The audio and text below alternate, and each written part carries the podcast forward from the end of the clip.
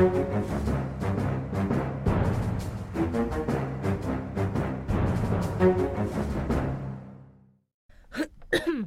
og da ruller vi i gang med denne ukens uh, Aftenpodden. Jeg er politisk journalist Lars Glomnes. Med meg har jeg politisk redaktør Trine Eilertsen. Hallo, hallo. God dag. Og kulturredaktør Sara Sørheim. Hallo. Hei. Nå, eh, vi er tilbake, og den eh, store Krekar-dagen er over oss eh, nå. Dette er torsdag når vi spiller inn. Eh, det er det mange som eh, bryr seg om og følger veldig nøye. Eh, blant annet din sønn Sverre. Min sønn Sverre blir glad nå. Han har uh, henger på Krekar. Så nå skal jeg prøve å forklare han hvorfor det er bilde av Krekar i avisen igjen. Um, Ja, hva skal du egentlig si da? Nei, jeg pleier Sverre å er si fire. Sverre er fire og et halvt. Og han uh, pleier å forklare at uh, politiet liker ikke Krekar fordi at Krekar prøver å få noen til å slå noen som han ikke liker. Litt teknisk for Sverre. Um, men eh, vi er i hvert fall enige om at du må ikke gå og, og, For det første må du ikke slå andre, være slem med andre. Og så må du ikke få noen andre til å være slem for deg, for da, da går det dårlig. Og nå mistenkes det at uh, Krekar uh, har prøvd å være med på å få andre til å være slemme. Det, det, det er absolutt det som det er. Og italiensk politi, eh, etterretningstjeneste, har eh, jobbet sammen med PST i Norge og vil nå ha Krekar til Italia og eh, gå gjennom en del sånne problemstillinger med han. Eh, vi, vi opp- oppfordrer egentlig andre Krekar-interesserte til å eh, følge det videre, antageligvis i vår uh, nemesis slash vennepodkast uh, Jæver og Joffen, VGs utmerkede politiske podkast. De har jo i likhet med Sverre et uh, oppheng på mulla Krekar. Har i hvert fall hatt det. Nå er det mulig at Donald Trump har eh, overtatt litt på opphenget der, men eh, vi, vi kan vel leve med at de kan nerde videre på mulla Krekar. Jeg må bare innrømme at den saken Det er litt sånn begrenset litt hvor stor interesse jeg klarer å, å kjenne for det. Så jeg er egentlig ganske fornøyd med fireåringsforklaringen, Trine. Men og grunnen til at vi er såpass rause med uh, Jæver og Joffen, kan vi jo si det allerede nå, er at vi inviterer til det jeg liker å kalle eh, prateklassens julebord. En, rett og slett en felles live samsending før jul med Anders Giæver og Fridtjof Jacobsen fra VG og Hanne Skartveit. Eh, og det skjer på Kulturhuset i Oslo eh, den 16. desember klokken seks. Så da håper vi at eh, flest mulig tar turen og vær med oss på å oppsummere året som har gått. Men eh, det var nå alt vi, Ja. kan vi si at man kan følge med på Twitter-kontoen vår, Aftenpodden, for mer informasjon. Det tror jeg er litt lurt. Ja. Der vil det komme mer underveis. Ja. Eh, men i dag så eh, dropper vi videre Krekar og går på, Sara. Nå eh, skal vi først, Lars, få snakke litt om deg. Eh, fordi du har endelig fått vært ute og reist. Eh, så vi skal snakke litt om din hemmelige reise. Men vi kommer jo inn på de store sakene denne uka. Eh, Ja, for- Som forrige uke, så handler det om flyktningkrisa. Det gjør det. Det handler om Vi kommer til å snakke litt om debattklimaet i eh, flyktning- og asyldiskusjonen i Norge. Og Da er det vanskelig å komme utenom Salongen i P2.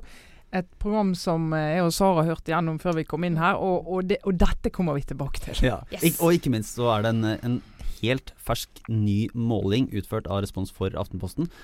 Uh, som viser uh, at Fremskrittspartiet har stor fremgang. Ja.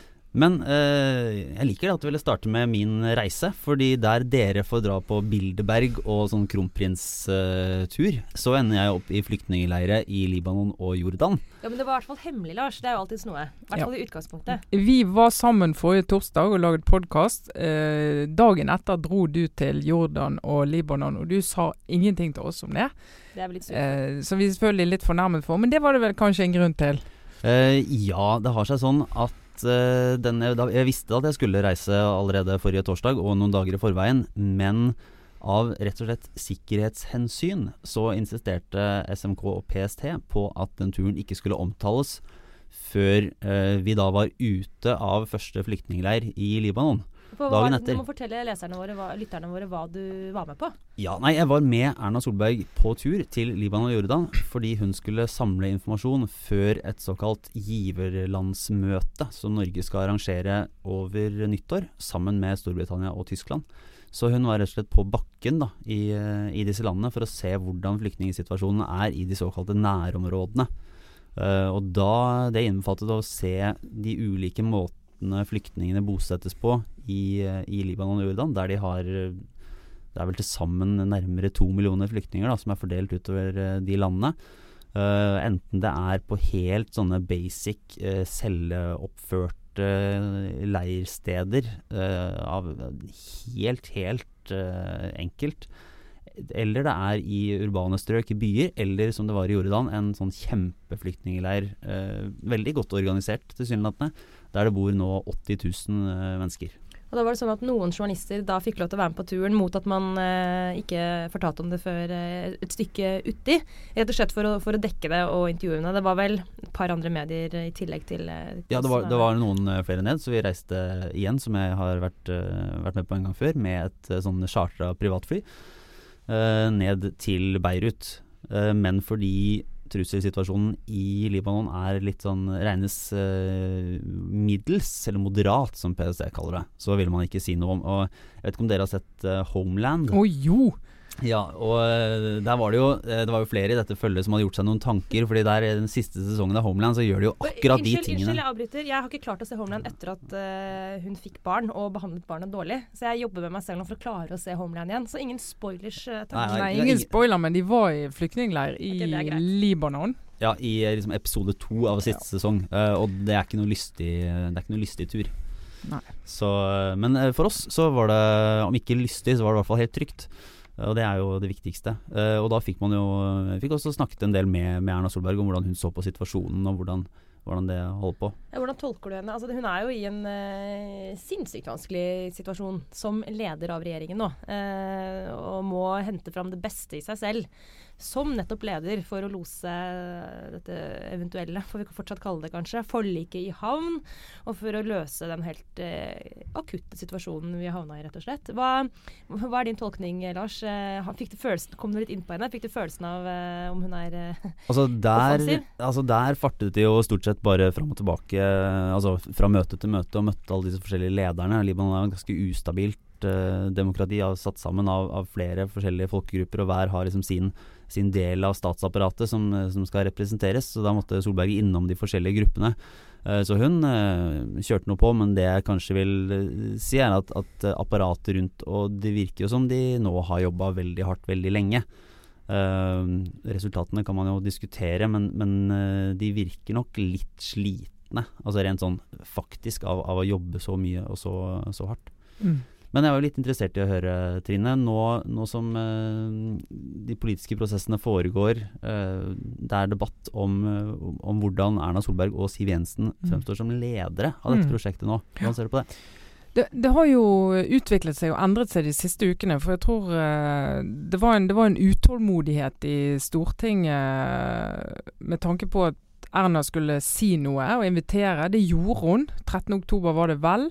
Eh, så inviterte hun eh, til det store forliket om eh, asyl- og flyktningpolitikken. Og det var jo alle partiene på Stortinget var jo fremsto som litt lettet og glad for å få en sånn invitasjon. Uh, og det var god stemning. Og så kom jo det, den situasjonen vi snakket om forrige uke med Frp sin stortingsgruppe som uh, bare bremset det hele og sa vi trenger en uke på å konkretisere tiltakene vi mener er nødvendige.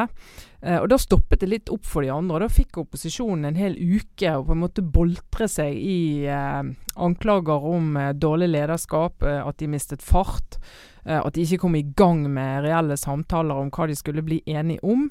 Eh, og Vi fikk dette ønsket fra Erna Solberg om skriftlige spørsmål, og vi hadde bl.a. en veldig skarp leder forrige lørdag der vi anklaget eh, statsministeren og regjeringen for dårlig lederskap i den situasjonen. og Det har vi ikke vært alene om å, om å kommentere.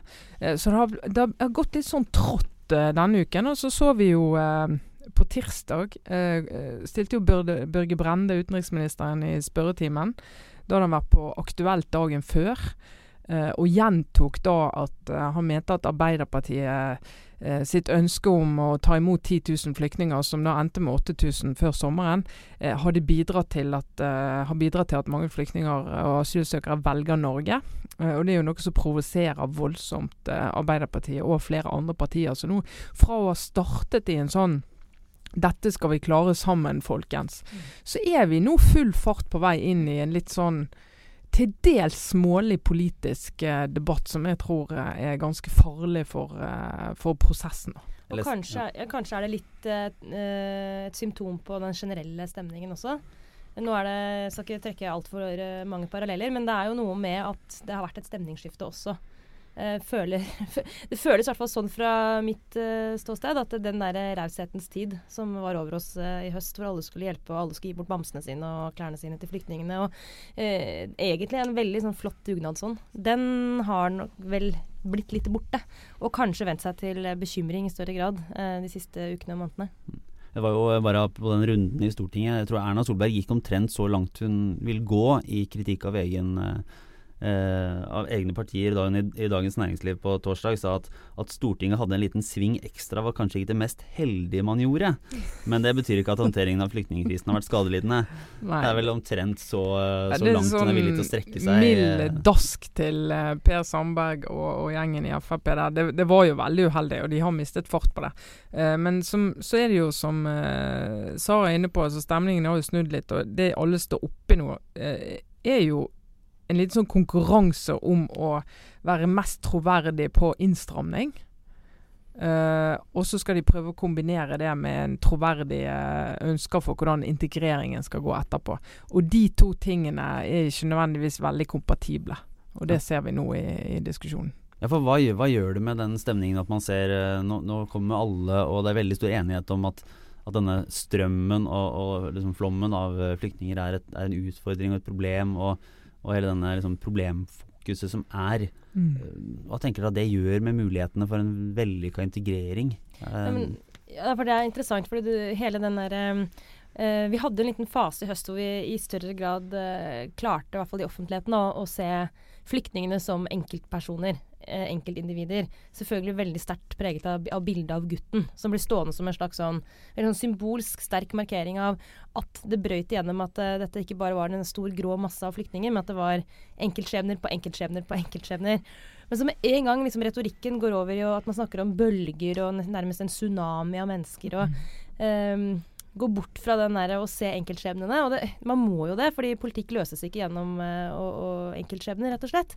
Men, men, den retorikken er jo med på å fremmedgjøre flyktningene, og, og uh, også da den, gjøre den avstanden større, og ergo også kanskje til og med fremmedfrykten og de negative følelsene knytta til det. Da. Så den retorikken er ikke tilfeldig, og den er heller ikke uten konsekvenser. Og der syns jeg man kan se et skifte eh, Men nå. politikerne snakker jo om at det er, liksom, det er, nødvendig fordi det er signalpolitikk. At man skal sende signaler ut i verden om at Norge er et strengt land. Og mm. uh, det er kanskje ikke verdt å, å, strekke seg ekstra for å komme til Norge heller enn andre land. Mm. Er, det, er, det, prisen man må betale for å få, for å få sendt de signalene? At man liksom har en, en kaldere retorikk i Norge? Ja, altså det, det, er jo, det, er jo, viktig hvor man bruker hvilken retorikk. Mm. Uh, og, jeg, og jeg, jeg, har jo forståelse for at man uh, bruker både Facebook og andre kanaler for å sende beskjeder ut at det er ikke vits i for deg å reise til Norge hvis du ikke er omtrent akutt truet uh, på livet. for her er det ingenting å hente. Du blir bare sendt hjem igjen, eller du vil bli sittende uvirksom på et mottak ganske lenge før du blir sendt hjem igjen. men, men når vi her hjemme Uh, og politikere, enkelte politikere snakker uh, som om alle som kommer er et problem. Uh, og at vi må prøve å stoppe hele strømmen. Da da syns jeg at vi får en annen, annen, valør i det, som legitimerer en del skepsis som allerede har ligget der og, ulmet en stund, og som ingen nesten tørde å ytre i august-september. da da barnelikene fløt i land eh, langs Middelhavets strender, men som nå er blitt mye mer legitime å snakke om. Merker, vi merker det jo i innboksen i mailen vår, alle som skriver om det òg. Eh, det, det, kommer mye hyppigere og mye tøffere tilbakemeldinger på eh, på alt som kan minne om å sympatisere med flyktninger, grupper eller enkeltpersoner. Men det er jo et politisk ansvar, mener jeg. Og, være veldig nøye med måten du snakker om, eh, om eh, flyktninger på. Så en del av eh, enkelte Frp-politikere i forbindelse med den eh, demonstrasjonen i Sarpsborg, på det mottaket i Sarpsborg der de demonstrerte en liten gruppe flyktninger. Som da er en liten gruppe flyktninger. Det er ikke alle flyktningene i Norge. Og det er faktisk verdt å gå inn litt uh, i problemstillingene de var, de var opptatt av, de som eh, demonstrerte og snakker da om, eh, om, asylsøkerne som de som hevder at de kommer fra et land i krig.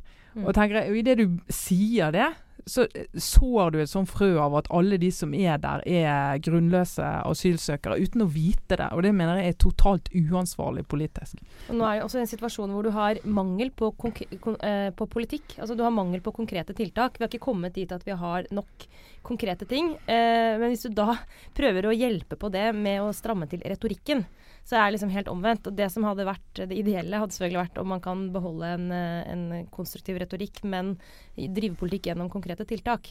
Eh, og det, det, er liksom det som vel egentlig er godt lederskap i denne situasjonen, og det er derfor kanskje nettopp det har vært etterlyst. da. Og i mellomtiden, i dette vakuumet som vi egentlig er midt oppi, så er det isteden fritt frem for eh, bl.a. uttalelser som det Trine refererte nå, som, som, helt, eh, som, bare er direkte skadelig. Men Hvis man ser på den eh, målingen som, som eh, nå, den siste målingen som kommer i dag, da, på torsdag, mm. fra Respons for Aftenposten, så går jo Fremskrittspartiet fram 5 prosentpoeng til 18 mm. mm. uh, prosents oppslutning. Det er jo uh, høyere enn de har vært på veldig lenge, og et, et markant skifte. Mm. Uh, det må jo si litt om hvor, hvor folk syns hvordan, hvordan folket nå ser på situasjonen. Men kan det kan det holde? Er, det sånn at, er dette en vinnersak på, på sikt for Fremskrittspartiet? Altså, det er ikke veldig uventet at det skjer. 5,5 prosentpoeng, høyeste de har vært siden 2011. Uh, ligger de nå. Uh, så det er jo, det er jo uh, Hvis du skal være strateg i Frp, så må du bare si at det er vellykket. Og fremstille alle de andre partiene som etterplaprere av FrPs politikk. Og det hører vi nå ene Frp-en etter den andre. Står frem og sier det at vi har vært strenge hele veien. Nå kommer de andre partiene etter, og endelig innrømmer de det. Og du får på en måte en sånn uh, førerrolle da, i, i, dette som, som gagner partiet, og som gjør at alle som er skeptiske og bekymret Og den bekymringen ute i Norge, den er reell. Og den må politikerne lytte til. Uh, og en del går nå til Frp pga. det, men, uh, men uh, det som er fascinerende å observere, er jo Frp som har ment at vi skulle ha de samme tiltakene som nå mange diskuterer fordi at tilstrømningen er så stor og, og utfordringene er så store, har jo Frp ment i mange år. Også da, da utfordringen var mye mindre. Og så snakker de på en måte som om de andre politikerne omsider har skjønt problemet. Men situasjonen politikken skapes i er jo helt annerledes enn var da Frp skapte sin politikk. Eh, sånn at eh, det, Der syns de andre politikerne kanskje ikke er, er flinke nok til å påpeke, påpeke den de skal svare. Da. Det gagner eh, Frp. Men på den annen side, nå skal vi se hvordan de neste målingene blir. Så er jo, Hvis du ser hvor stor innvandringsutfordringen er nå, så skulle du jo tro at Frp var enda mye større. Mm. Uh, og Høyre og Arbeiderpartiet har falt litt på denne målingen, men ikke så mye som man kanskje kunne vente. Så det er litt sånn avventende tror jeg, ute blant folk å se om de faktisk greier å bli enige om en løsning, eller om det Og det må de jo. De men det, det mest sannsynlige er jo at man får til et eller annet slags eller annen, et eller annet flertall, i hvert fall. Ja. Uh, som, som, i stor grad er de løsningene Fremskrittspartiet og Høyre har pekt på. For mm. nå har jo alle i, i hovedsak sagt seg enig i dem så mm, vil Fremskrittspartiets rolle være like sterk som utfordrer hvis de faktisk har inngått en, uh, et forlik med uh, minst tre andre partier, og kanskje trolig også Arbeiderpartiet og Senterpartiet? Sånn sett var det jo en fordel for dem, hvis vi skal dømme etter denne målingen, at de fikk utsatt forliket, og at de fikk lov til å bråke noen uh, ekstra dager og kanskje uker og markere motstand. Fordi til slutt så blir det jo også litt låst fast uh, i det vi må anta at de ender opp med, nemlig at uh, det blir et forlik. Noe annet er vel uh, ikke ja, helt ja, De sitter i regjering, og det er jo totalt uansvarlig å ikke ønske et, sånt, et forlik på et så viktig politikkområde når de sitter i regjering. men så sier Lars, da skal de også gå frem mot det er Flere politikere du snakker med nå, er oppgitt over at for mange av de andre tenker så mye på 2017 og valget der. for det gjør at vi blir så taktiske, sier de. Men det gjelder alle, da. Så det er jammen ikke bare Frp. Uh, men hvis de skal tenke valgkamp frem mot 2017, og de er bundet i et sånt forlik, Eh, og, altså Nyhetsbildet og problemene vil jo komme. Vi vil få nyhetssakene om uro på asylmottakene. Vi vil få nyhetssakene om at det har skjedd eh, voldshandlinger tilknyttet asylsøkere. Vi vil få sakene om at uh, en bygd i Norge ikke håndterer at det kommer så mange ny befolkningsgrupper til bygda. Vi vil, vil, få alle de sakene. Og Hvis Frp sitter inne i dette forliket, så er det klart at det er vanskeligere for de å gå på utsiden og si og se hva var det vi sa. Det er vanskeligere. Men de kan jo si ja, men vi vil jo gå mye lenger men vi måtte bli enige? De kan si det. Og så kan jo velgerne si men når ikke engang dere som sitter i regjering klarer å løse dette, hen skal vi da gå? Det ser ikke lyst ut for uh, Frp fram mot 2017 så langt, men det, det har det, det, Ting kan som kjent endre seg. Ja, vi, vi, skal ikke spå, men akkurat Nei. nå går det kjempebra. Ja, for, for den her er jo en jubelmåling for Siv Jensen. Det er en kjempegod måling for Frp, så det må de bare feire. Men uh, til de virkelige ofrene i uh, uken som har gått. Uh, for det har vært et uh, lite det, Ikke en uke går forbi uten et lite opprør i uh, Facebook-Høyre eller omlandet. Uh, men dette er jo en til dels interessant liten debatt, fordi forsker Asle Toje har vært på Dagsnytt 18, og så ble han senere si, klippet inn i et I en såkalt sketsj? Såkalt sketsj i salongen i P2. Og det har gjort at Toje ikke vil stille opp for NRK mer, mm. fordi han er foruretta, og at uh, både Jon Hustad og uh, flere andre, vel også inkludert Elin Ørjasæter, har i hvert fall eh, gått inn i debatten. har kjefta ordentlig på NRK for deres måte, ufine behandling av debattanter, og særlig da debattanter på høyresida.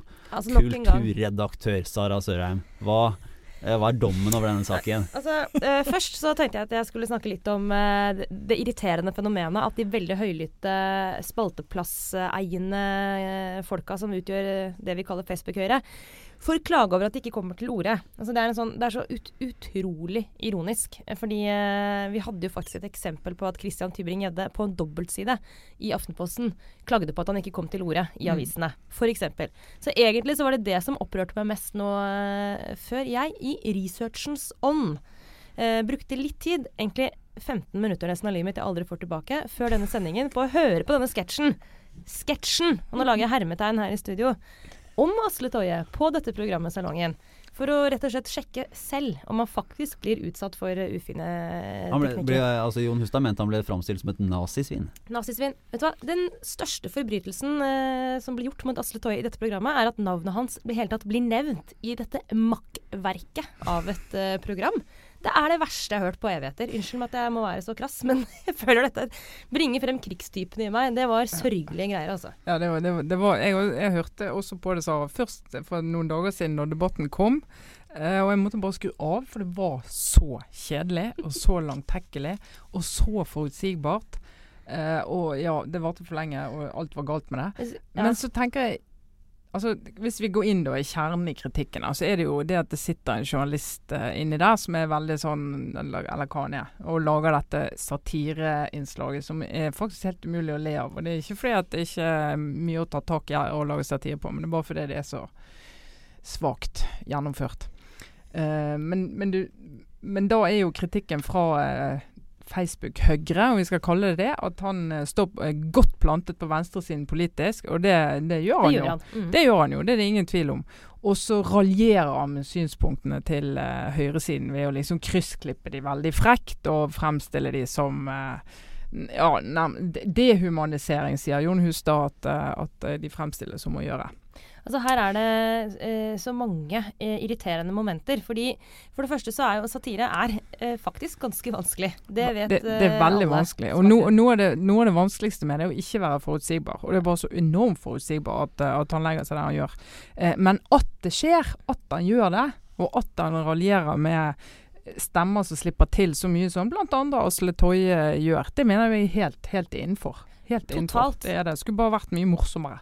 Altså, det, er ganske, med, ja. det, er ganske, det er jo smått paradoksalt at dette er jo den gjengen som som er, står høyest på barrikadene når, sånne, når det gjelder eh, uh, karikaturer av Mohammed og, og, liksom den type satire.